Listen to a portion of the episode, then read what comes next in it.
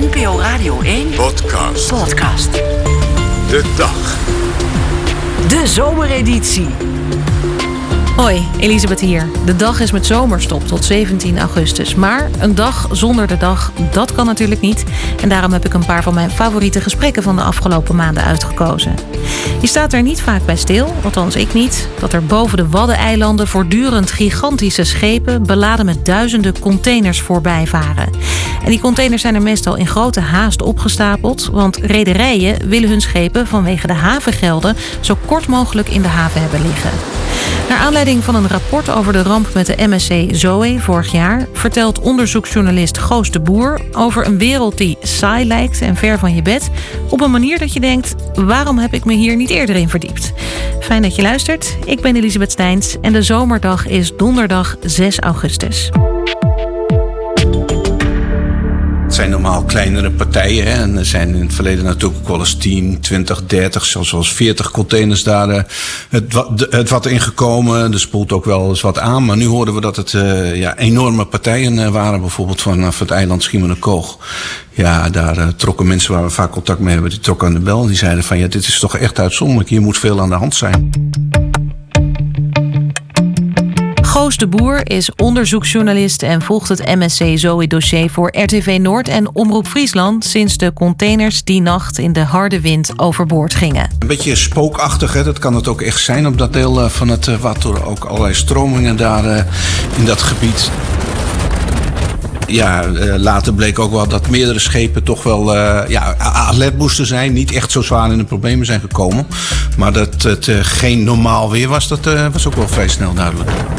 Vooral in het begin was hij er dag en nacht mee bezig. Toen er maar spullen bleven aanspoelen en er steeds meer mensen van heinde en verre naar de eilanden toe kwamen om te helpen opruimen.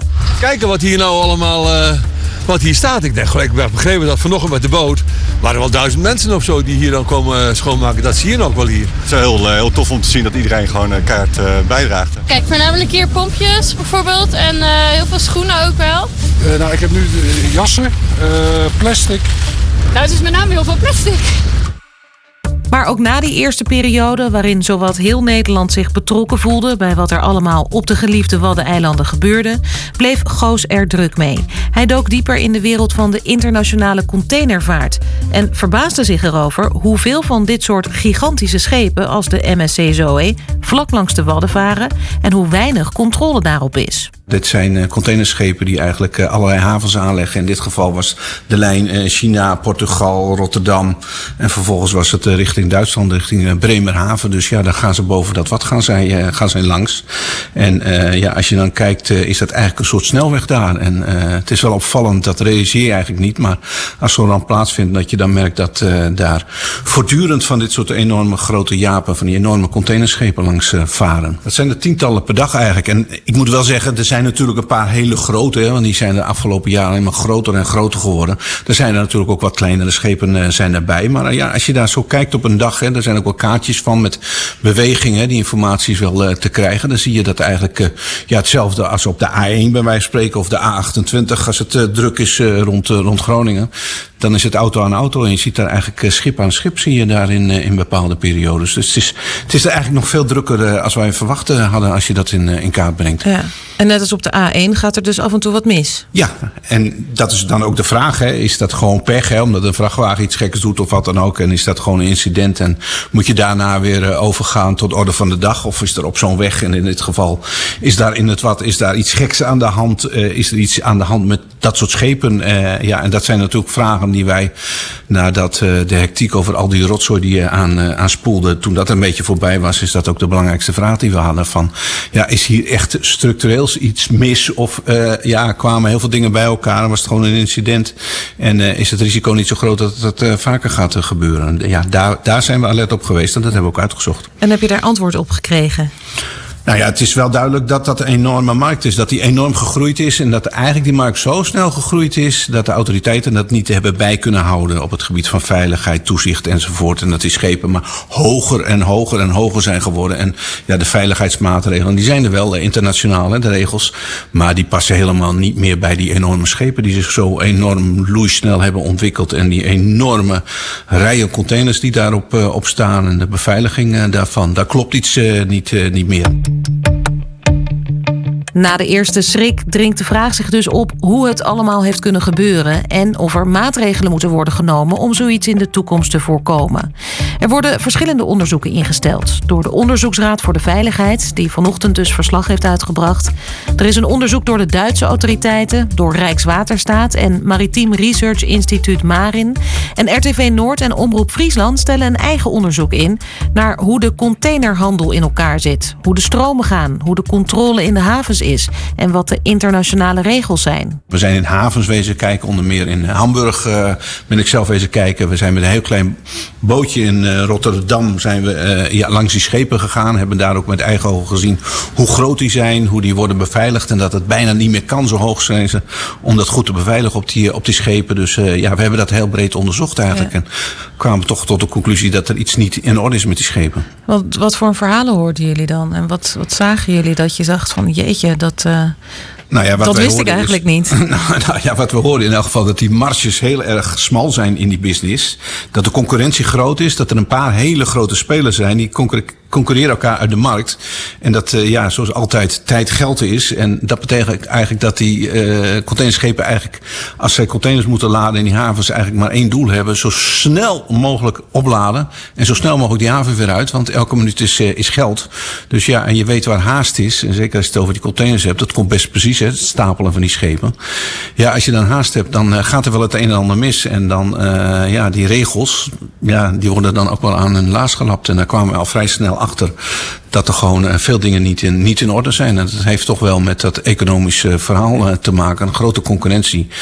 Relatief gezien weinig marge, weinig verdiensten. Dus ja, dan is elke minuut is winst. Dus daar zit wel een probleem. En we zagen, we kwamen veel slordigheden tegen. We hebben ook met veel mensen gesproken, zogenoemde shorters. Hè. Dat zijn de mensen in de havens, onder meer in Rotterdam, die de containers vastzetten. Die vertelden ons ook verhalen over dat er soms helemaal geen tijd voor was. En ja, ook de containers, hoe ze op elkaar gestapeld zijn. Hè. De zware moeten onderin en de lichtere moeten bovenin. Dat dat ja, af en toe ook met een korreltje zout werd genomen. Omdat het veel te veel tijd kost als er nog een lading zware komt om, die, om er weer een paar uit te halen om die zware onderin te zetten. Dus ja, al die verhalen vertelden ons toch dat er veel mis is in die handel. En dat is later door officiële onderzoeken overigens ook dubbel het was bevestigd.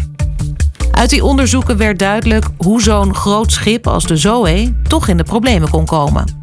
De Zoe is bijna 400 meter lang, 70 meter hoog en 60 meter breed. Zo'n gevaarte krijg je niet zomaar omver. Maar toch kunnen ook deze grote schepen flink deinen op het water. Dat de voorkant wat op en neer gaat, is niet zo erg. De zijwaartse beweging is een groter probleem. De Zoe is 18 verdiepingen hoog. Als het schip maar een paar graden deint, betekent dat meters verschil voor de bovenste containers. Om te voorkomen dat ze losraken, worden ze in de haven vastgeshort. Daar komt geen spanbandje aan te pas. De containers worden op de hoeken vastgezet met twistlocks. Grote stalen bouten waarmee ze containers aan elkaar vastdraaien. Halverwege de stapel worden grote stalen shortstangen geplaatst. Toch is zo'n stapel maar zo sterk als de zwakste schakel. Breekt een stang af of zit een twistlok los... dan kunnen de containers als domino-steentjes in het water vallen. En op schepen zo groot als de Zoe zijn er heel wat plekken waar het mis kan gaan. Dus het moest zo snel mogelijk en zoveel mogelijk op die schepen? En wie controleert dat dan? Of, of dat allemaal goed uh, geshort nou ja, er is? Zijn, er zijn inspectiediensten uh, voor. Uh, de inspectie, leef, de inspectie Transport en Leefomgeving doet dat tegenwoordig in Nederland. Vroeger was dat de inspectiedienst van Waterstaat. En die worden geacht dat te controleren. Nou, daar hebben we ook naar gekeken. Die inspectiedienst ja, die is gefuseerd enzovoort. Die is alleen maar kleiner geworden. En als je dan kijkt dat er wel af en toe wat steekproeven worden gehouden. Maar nooit echt grote controles. Dan zie je wel dat die inspectiedienst die ook fors heeft moeten bezuinigen in de, de vorige crisis, zou ik bijna willen zeggen economische crisis, is dat een kleine organisatie geworden. Die kunnen dat nooit bijhouden. Dat zie je ook gewoon. Die krijgen daar geen grip op. Heel af en toe delen ze een keer een speldenprik uit in die havens om, om iets te kijken. En bovendien hebben we niet alleen met Nederland te maken, maar we hebben ook nog met, met allerlei andere internationale havens, bijvoorbeeld in China te maken, waar de controle weer op een heel andere manier wordt uitgevoerd. Of misschien wel niet. Dus ja, het is ook wel duidelijk dat die sector zo snel gegroeid is dat die inspectiediensten bijvoorbeeld in ons eigen land alleen al, waar het over het algemeen internationaal gezien nog wel redelijk geregeld is, daar absoluut geen vat op krijgen. Ja, en dat weten die rederijen natuurlijk. Maar voor die rederijen betekent het natuurlijk ook een risico als die containers niet goed gestapeld en vastgemaakt zijn. Ja, dat klopt. Dat is, en dat hebben we ook al een beetje gemerkt, dat het toch een beetje ingecalculeerd is. En wat wij van de rederijen veel hebben gehoord van ja, als je dan kijkt hoeveel van die containers over de wereldzeeën varen en als je dan kijkt hoe vaak daar containers af, ja, dan is dat een verwaarloosbaar percentage, want het gebeurt bijna nooit enzovoort. Maar ja, aan de andere kant is het ook duidelijk dat ze toch een zeker risico nemen elke dag weer. Ja, en dan gaat het af en toe fout en dan gaat het soms ook, ook goed fout. En ja, onze conclusie is het ook wel, als er niks gebeurt, als er niks verandert, dan ja, dat gebied, dat kwetsbare gebied, dat Waddenzeegebied, dat loopt toch wel elke dag risico dat er weer zoiets gebeurt. Wil je deze aflevering nou helemaal beluisteren? Zoek hem dan even terug. Aflevering 613 is het. Hoe gevaarlijk is de containersnelweg boven de Wadden?